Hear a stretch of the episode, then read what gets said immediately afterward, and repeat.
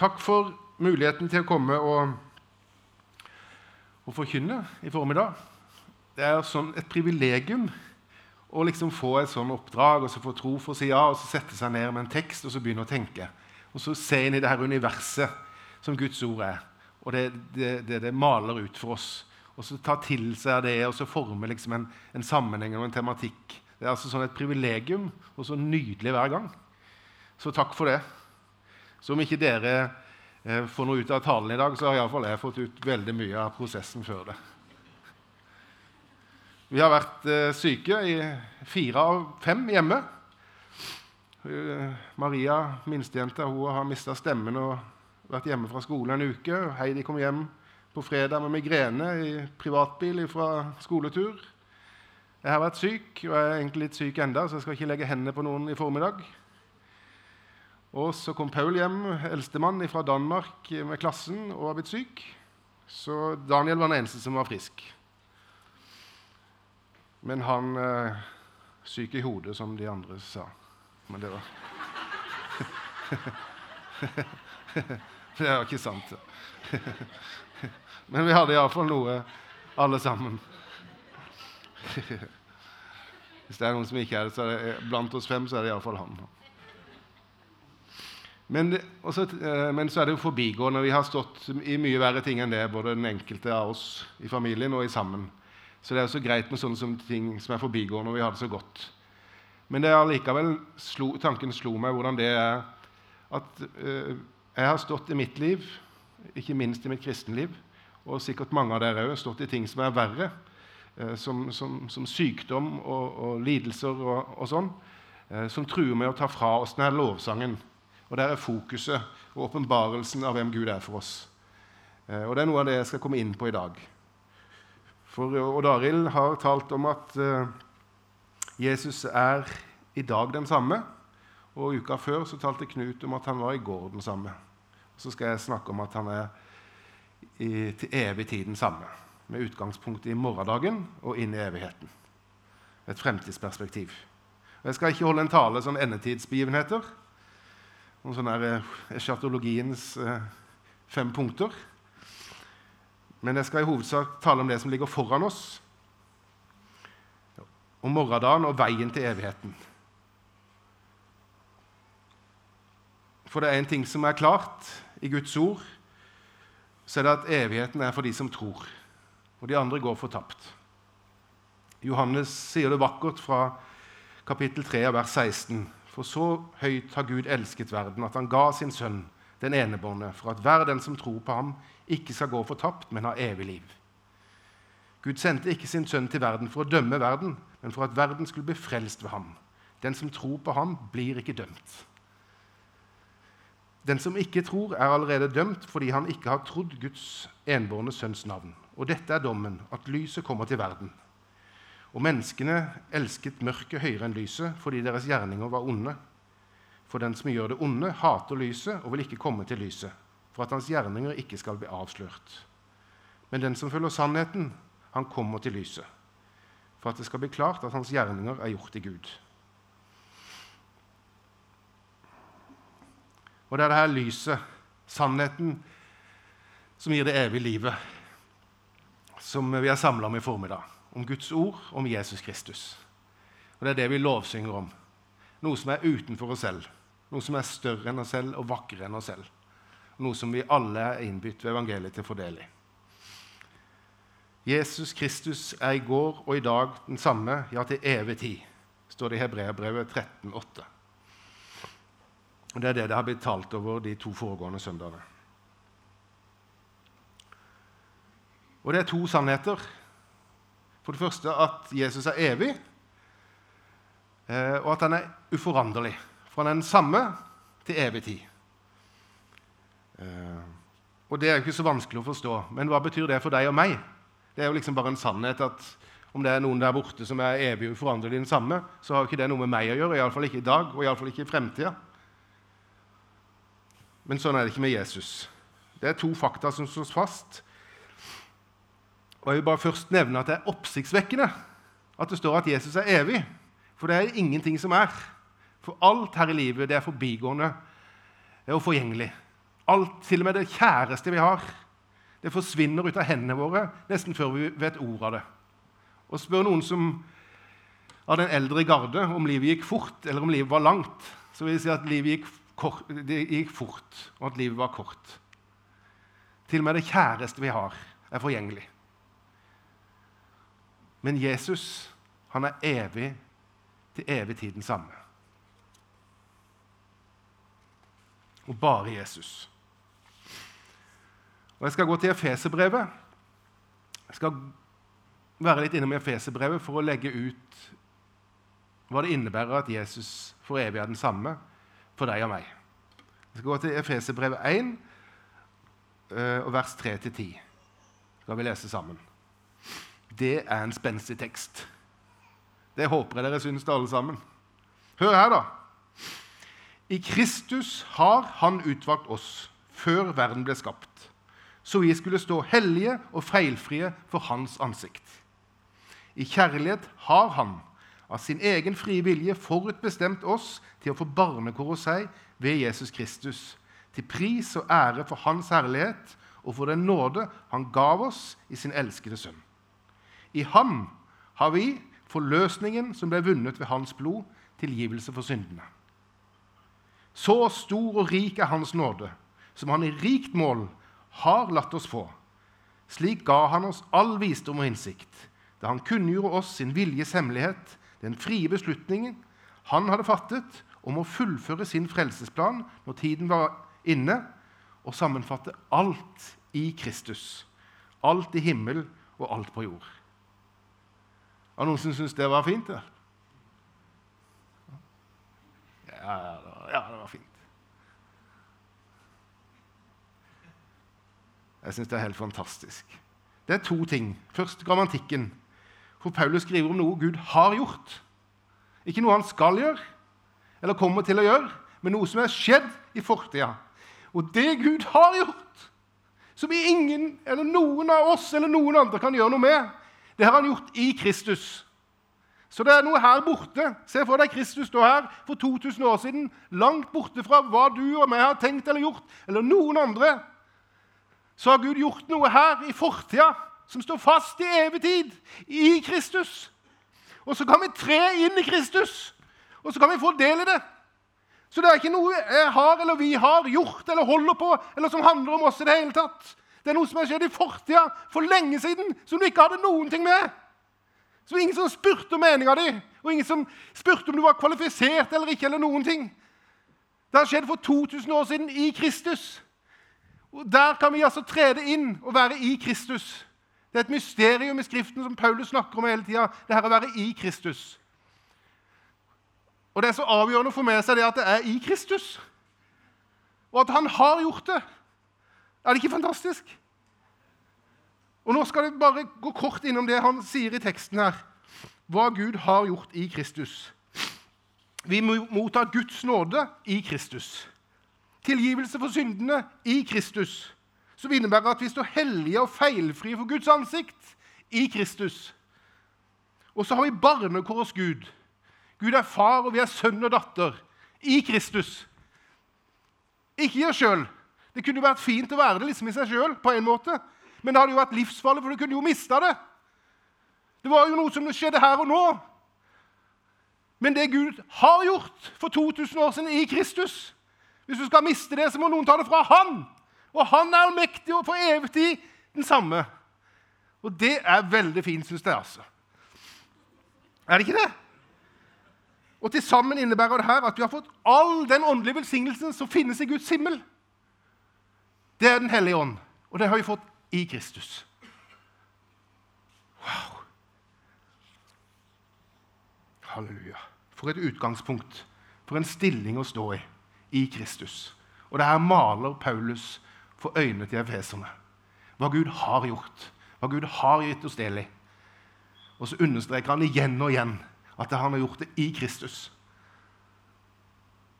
For sånn som ellers i livet Jeg har en kamerat nå. Å, kjære Jesus. Han har vært rusmisbruker. Og så har han ikke hatt noen kjæreste, og i mange år har han venta og bedt. Og sånn. Og så nå har han fått en kjæreste. Og så var han så redd for å miste det. vet du. Og det var liksom så voldsomt. Det blomstra opp på 1, 2, 3. ikke sant? Og han ville nesten gifte seg første dagen. Og det skjønner jeg godt, for det vil jeg òg. Men jeg var redd for å miste det. vet du. Jeg kunne jo ikke si til han, 'Nei, det her Ikke sant? Det kommer til å gå bra.' og sånn. Jeg gjorde jo det, da, men på en måte, og En gjør jo sånn, for en vil jo tro på det som er godt. Men vi vet det at ting kan skje. Og det er ikke alltid det er sånn. Jeg opplevde jo det før jeg traff deg òg. Så da var det ikke liksom. Da var det ikke til evig tid, for å si det sånn. Så sånn kan det skje. Men i Jesus så er det annerledes. Vi mister det aldri. Du kan ikke miste det. For det har skjedd for 2000 år siden, og det er Gud som har gjort det, og det har skjedd i fortida i Kristus. Det er fint. Og det er så avgjørende å få med seg.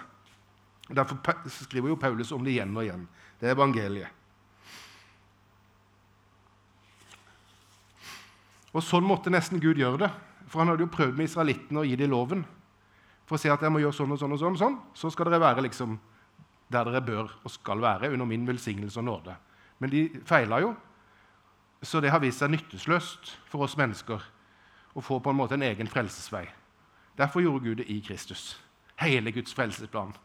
Så hver den som kommer inn i Han, så er alt på rett stell. Så du trenger ikke tenke på det. Du trenger ikke tenke på deg sjøl. For det handler bare om Han. Og det er ikke en sånn liberal teologi som gjør at du kan løpe rundt der inne i Kristus og gjøre hva du vil. Nei, jeg lover deg, altså. Det vet dere som har vært der inne, eller som lever der inne. At der er det en hellig atmosfære. Hørt fra vekkelsen i Asusa Street, f.eks. Det var i 1905, når pinsevekkelsen brøt ut, som er den pinsekarismatiske bevegelsen som også Misjonskirka Norge er en del av. På, på, om ikke alle, så på veldig mange måter.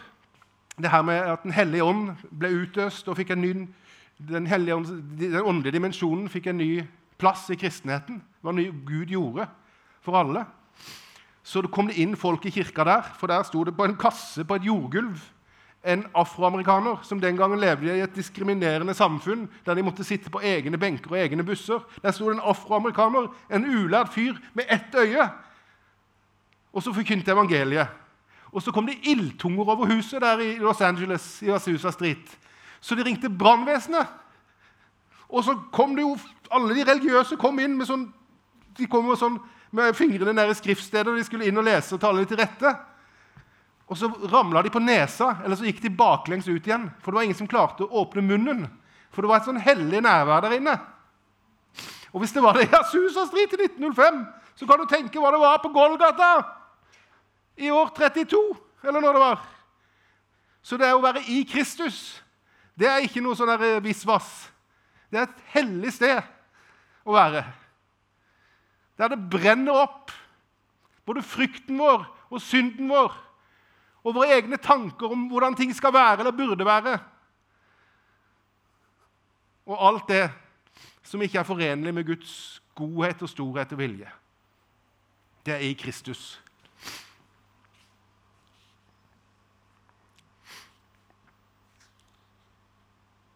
Og det er en mystisk person, denne Kristus.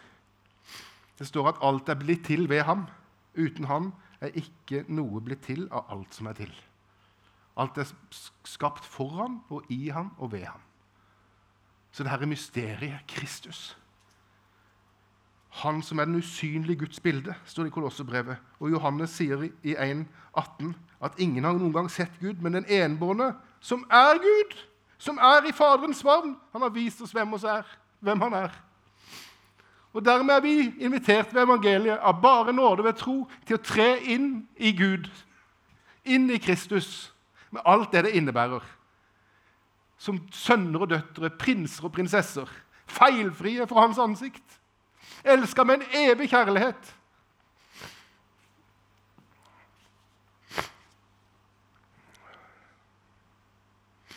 Så skal vi litt inn i fremtida, for den er jo som kjent uviss. Vi vet ingenting og har ikke garanti for noen ting. Jeg hadde f.eks. en venninne som er noe av det vakreste kristne mennesket jeg har kjent, som døde altfor ung av kreft.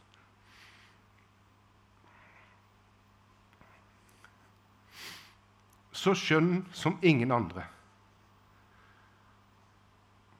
Og jeg var i den vakre begravelsen der døtrene hennes sang. og mange kjenner jo de her. Og så tenkte jeg hvor forgjengelig livet er. Tenkte det kunne vært meg og mine barn. Men så er det noe som står fast til evig tid. Noe som er i Kristus. Og Det er viktig at vi har det med oss inn i fremtida.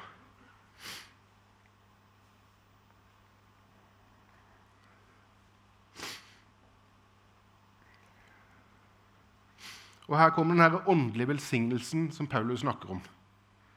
All åndelig velsignelse i himmelen som vi har i Kristus. For vi får del i en usynlig virkelighet som vi ikke kan sanse. For det sanselige, det tar slutt. Og det er bare ved Den hellige ånd at vi kan få øyne til å se med, og øre til å høre med, og hender til å kjenne og føle med det som er Gud. Det er ikke for sansene våre. Og det er bare i Kristus, i nær, tett nærhet til Jesus og etterfølgelse av ham, tett på, at vi får del i Den hellige ånd. Jesus sier jo Johannes 15 om treet og greinene. Han sier 'bli i meg', sånn som 'forbli i meg'. Så bærer dere mye frukt. Og uten meg kan dere ingenting gjøre. Så uten at vi er i Kristus, så skjer det ingenting åndelig av åndelig betydning i Guds rike. Ikke for menigheten vår, ikke for familiene våre og ikke for oss som individer. For Gud har sagt alt i Kristus. Alt er skapt ved han og til han og for han. Og i han har Gud fullført hele sin frelsesplan. Så vi trenger å være så tett på han som en grein i treet. Så vi kan være frukt av det som fins i han.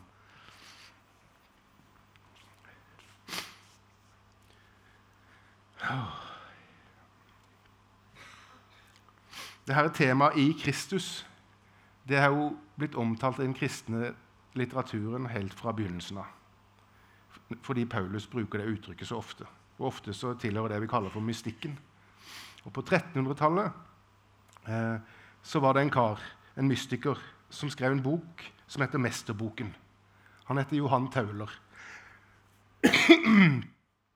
og Martin Luther og Hans Nilsen Hauge de, de opplevde denne boka som et unikum som forvandla dem, og de anbefaler den til alle. Mesterboken av Johannes Tauler. Og I boka så er det en, en helt ukjent lekmann som kommer i møte med en viden, anerkjent teolog. En skarpskodd og anerkjent teolog som alle holdt av, og som talte i store forsamlinger og, og, og holdt store møter og var veldig populær.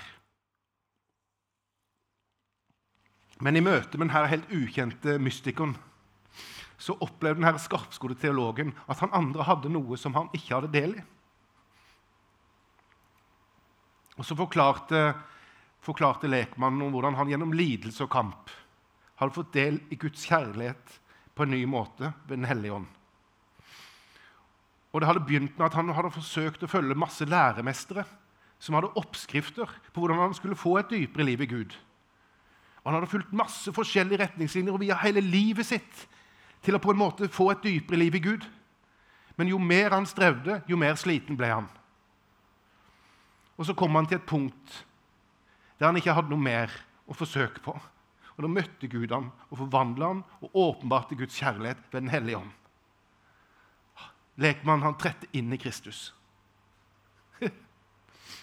Det var så enkelt. Han hadde gjort det så vanskelig. vet du. Han ville finne på alt mulig rart, og det var så mange som hadde oppskrifter for hvordan han skulle få et dypere liv i Gud. Men det eneste som skulle til, det var et blikk på det blødende lam. Det var en åpenbarelse av Gud fra hjertet. Så forsto han hva han hadde i Kristus. Og han her i skarpskodde teologen ville så gjerne ha del i det. Men han kunne ikke gjøre det samme som lekmannen hadde gjort. For når Gud gir oss del i dette livet i Kristus, så er ikke det en vei som vi kan kopiere hos hverandre, men det er et eksempel for at det går an for alle. Det er en individuell plan. Det er en vei vi må gå hver for oss, sammen med Gud. Her kan ikke verken pastoren eller fellesskapet hjelpe oss. Det kan hjelpe oss, ikke misforstå meg. men det er en vei må, den enkelte må gå med Gud. Det handler om en relasjon mellom meg og Gud. Og Da kan vi vokse og utvikle oss i troen og i dette livet i Kristus. Og Ofte så går det gjennom lidelse. Og det måtte han igjennom som en gave i livet sitt, han er skarpskodeteologen. Han måtte komme til kort på seg selv. Han kunne ikke lenger stå og preke 24 punkter for vekkelse. 78 punkter for et rikere liv i Gud. Fem punkter om bønn. Det var jo bare læresetninger. Det var noe han hadde her oppe som var kjempefint, og som alle satte pris på. Men denne stusslige lekmannen som ingen hadde lagt merke til og kjente til, han hadde fått del i noe annet. Og jeg kjenner jeg har fått del i det. Jeg har en mastergrad i kristendom, og jeg har virka i så mange rikt, mye, mye rikt og så mye som er fint. Men det som er gullet mitt, det har jeg fått del i gjennom lidelser. Og allikevel søke til Jesus, og at han åpenbarte seg fra hjertet mitt i mitt mørke. Og så hva jeg hadde del i Kristus, som ingen kunne ta fra meg til evig tid. Skjønner dere hva jeg mener? Og Det er det mystikken handler om, og det er det i Kristus handler om. Og det er den nydelige, lille, bitte lille boka til Johannes Tauler handler om.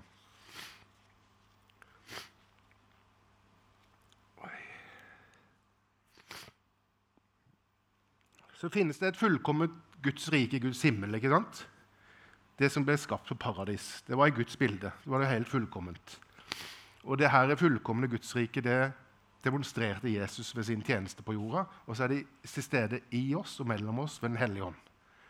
Og så skal det altså komme. Det her er evig rike, som var til fra evigheten. Og som har gått som en strøm gjennom historien.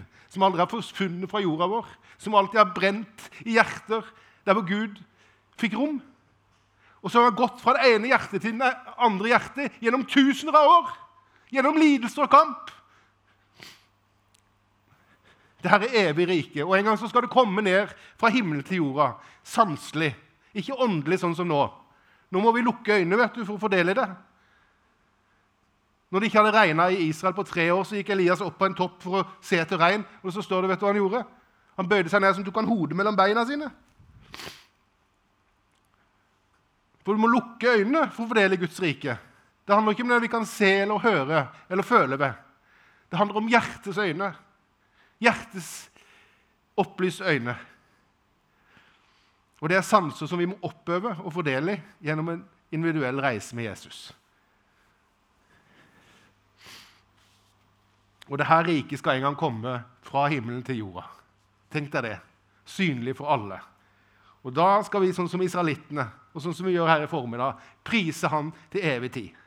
Fordi Han aldri har forandra seg, og fordi Han har gjort, og som, fordi ingen kan ta det, kunne ta det fra oss. Men i Efeserbrevet går Paulus videre. I kapittel 2 og 3 det er Efeserbrevet det. Nå, nå, minner jeg dere på å lese det når dere i fremtida. I kapittel 2 og 3 så bøyer han sine knær og takker Gud og priser Gud for det Efeserne har åpna opp for det evangeliet og fått del i de her evige sannhetene i Kristus. Og Paulus er fra seg av glede for at de har tatt imot. For det var jo hans største ønske å dele den gaven med noen. Og han ble både steina og fengsla og, og, det, det som verre er, for, å, for det, det oppdraget. Men i Efesus så fant han en liten flokk som tok imot det evangeliet. Derfor så priser han Gud for dem. Og videre så går han videre med å formane efeserne. For det er ikke sånn at det ikke finnes en som vil ta fra oss det vi har fått i Kristus. Og det er dessverre heller ikke sånn at det å tre inn i Kristus og erfare Guds nærvær og nåde innebærer at du har del i det hvis ikke du forblir i Han. Vi har muligheten til å gå ut igjen.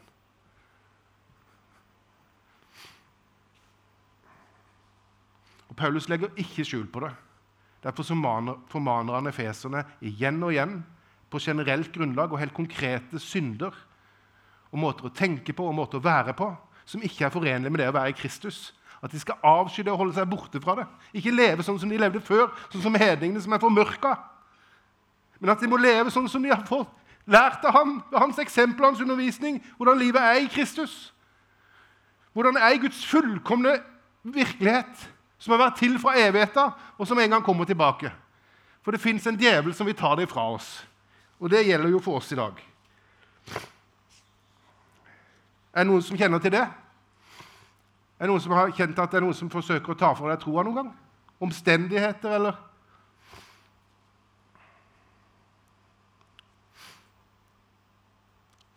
Og før det her Guds rike kommer, så sier Jesus veldig tydelig at det blir økning i forførelse og frafall og forfølgelse.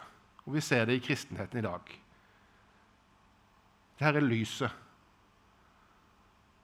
som er Guds ord og Jesus Kristus, som lyser opp hvert menneske, og som er det eneste lyset i mørket. Vi ser mange gå bort ifra Guds ord òg i kristne sammenhenger. Og det er de blitt blinde for det som Paulus forklarer om til efeserne. Dette Gud har gjort i Kristus, som bare finnes i Han. Han som er Guds ord, han som er Herrens herlighet, han som er Gud åpenbart for oss alle sammen. Så det er et alvor i det her, og Paulus legger ikke skjul på det til efeserne. Ikke overhodet. Så jeg vil ikke tro det vil være snilt eller vennlig eller godt på noen måte av oss å la være å følge hans eksempel. Det er et alvor i det Gud har overgitt oss. Og jeg skal huske på at Paulus sitter lenka i fengselet i Efesus. Helt urettferdig, uten å ha gjort noen ting galt, når han skriver brevet til filipperne. Og så sier han, 'Jeg vil glede dere, glede dere alltid.' Igjen vil jeg si 'gled dere'. Så Paulus var, levde ikke noen dans på roser fordi han hadde fått del i det her i Kristus. Det var en åndelig virkelighet. Paulus hadde ikke kone og barn eller jobb eller bil eller hus eller helse eller båt eller noen ting. Til og med alle forlot han utenom Timoteus. Men han hadde del i en åndelig virkelighet. Og det er denne åndelige virkeligheten den her åndelige virkeligheten er jeg så glad for å del i. Jeg har vært rusmisbruker vet du, og opplevd å bli fri og fått verdens nydeligste kone og treff fantastiske barn og utdannelse og jobb. Og nå står jeg i fulltidstjeneste i Norge i dag og får skrive om Jesus og Bibelen og kristenheten hver eneste dag. Og jeg er så glad for det. Men ingenting av det, hvor vakkert og skjønt det enn er, kan måle seg med det som jeg har fått i Kristus. Det som jeg har fått gjennom mine nederlag og min synd og mine kamper og motgang og motstand og urettferdighet. Det som jeg har fått alene på min livsvei. Meg og Jesus. Hvor han har fått trøste meg, oppmuntre meg og rettlede meg og sagt hva jeg har i ham. Hva han har gjort i fortida som ingen kan ta ifra meg, og som står fast i evig tid. Det er gullet mitt, altså. Og når alt forgår, så skal jeg fortsette å prise ham i all evighet med harper og cymballer og det som verre er. For jeg har fått del i noe som er større. Jeg har lest fra martyrhistorien om en jente der i katakomben i Roma. Så sto med barnet sitt, og så sto, sa de nå må du fornekte Jesus. Hvis ikke så dreper vi deg. Og så var hun fullt av en fred, og så ga hun fra seg sønnen sin. Så sa hun det at Gud som har tatt vare på meg, kan ta vare på barnet mitt òg. Du vet, Sånn kan du ikke finne på av deg sjøl men det er en virkelighet i Kristus. Og Jeg leste fra Nord-Korea, jeg tror det var gjennom åpne dører, om en familie sånn med far og mor på hver sin side, og så to eller tre barn i midten. Og Så sto de og skulle skyte dem fordi de var kristne. Så hadde de gravd grava foran dem. Og Så plaffa de ned, og så ramla de ned i grava. Men så skjedde det noe med han ene av de soldatene som skøyt dem. Han så noe i den mannen sine øyne som han aldri hadde sett før. En fred, en kjærlighet, Og så førte det til at han kom til tro på Gud.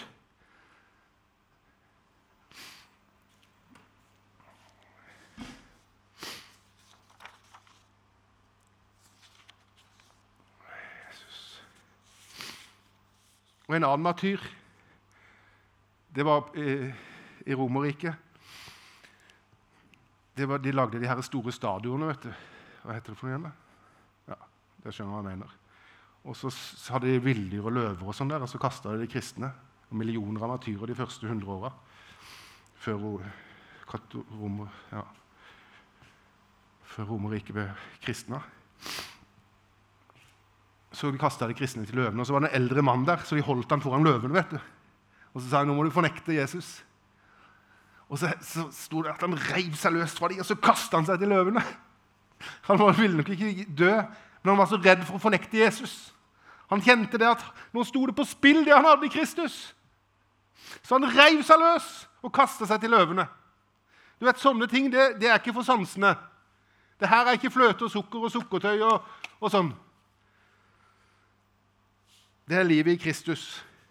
Og Nå har jo vi det godt og greit her, heldigvis i Norge. Men for flere hundre millioner kristne så er det her virkeligheten.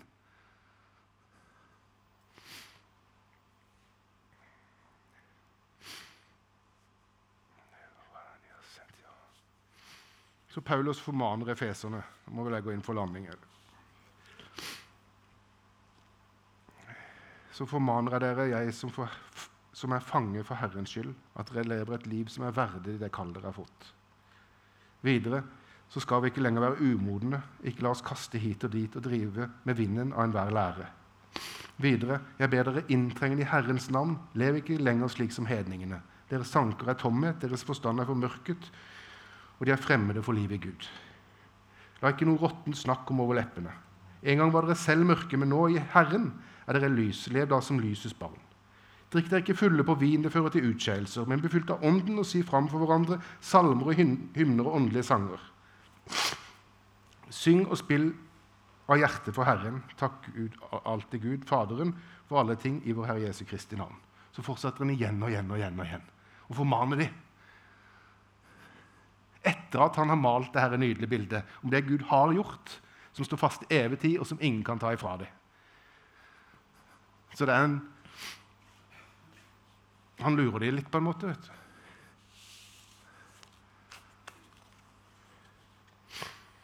Og til slutt så forklarer Paulus at de troende står i en enorm åndelig kamp. Og Han fremstiller dem som soldater i en krig. Det fins en motstander som vil ta fra dem det de har fått i Kristus. Og så skriver han i Efeserne 6. Til slutt bli sterke i Herren, i Hans veldige kraft. Ta på Guds fulle rustning, så dere kan holde stand mot djevelens lumske angrep. For vi har ikke en kamp mot kjøtt og blod, men mot makter, mot myndigheter, mot verdens herskere i dette mørket, mot ondskapens ånde her i himmelrommet. Ta derfor Guds fulle rustning på, så dere kan gjøre motstand på den onde dag og bli stående etter å ha overvunnet det aller meste. Nei da, etter å ha overvunnet alt. Ta derfor på Guds fulle rustning, så dere kan gjøre motstand på den onde dag og bli stående etter å ha overvunnet alt. Stå der klar med sannheten som belte om livet og med rettferd som brynje, og ha så sko på føttene den beredskap som fredens evangelium gir. Grip fremfor alt troens skjold. Med det kan dere slokke alle den ondes brennende piler. Bam! Har du det skjoldet med deg? Alle sammen! Det er jo fantastisk, altså! I Kristus. Full rustning. Sannheten og evangeliet og troen og Alle sammen. Det er jeg glad for, altså. Det minner jeg meg på når jeg føler det er en pil som går inn. Grip fremfor alt all troens skjold, med det kan dere slokke alle den onde brennendes piler.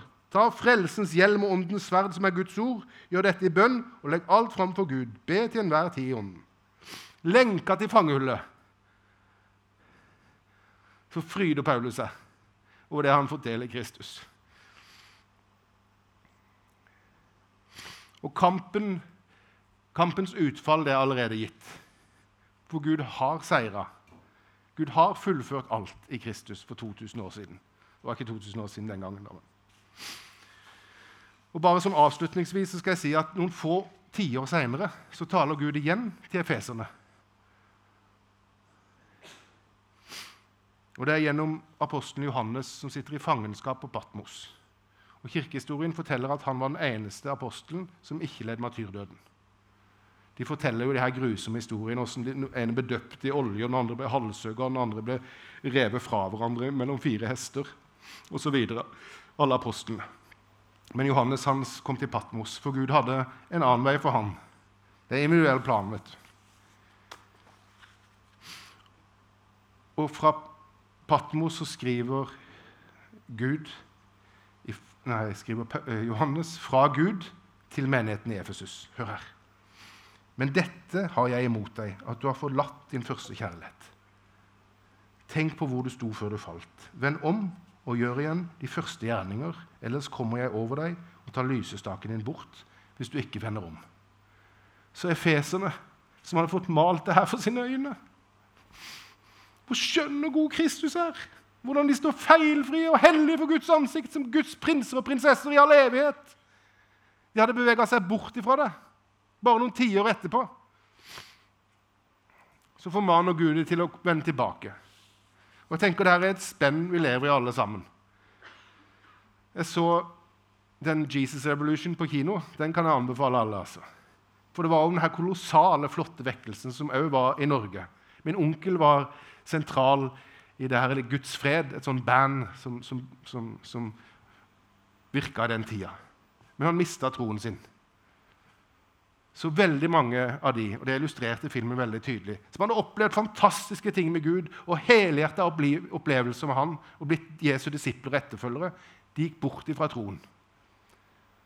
For de møtte kamp og lidelser, sånn som Paulus forberedte efeserne på. Og så mista de det men langt ifra alle sammen. For det var noen som holdt fast på det, som forblei i Kristus. Og skal vi til evigheten, så er den bare i Kristus. Og det er ikke det at det ikke er nåde nok. For Gud har gjort alt det som skulle til. Bare kom opp der, ja. For 2000 år siden.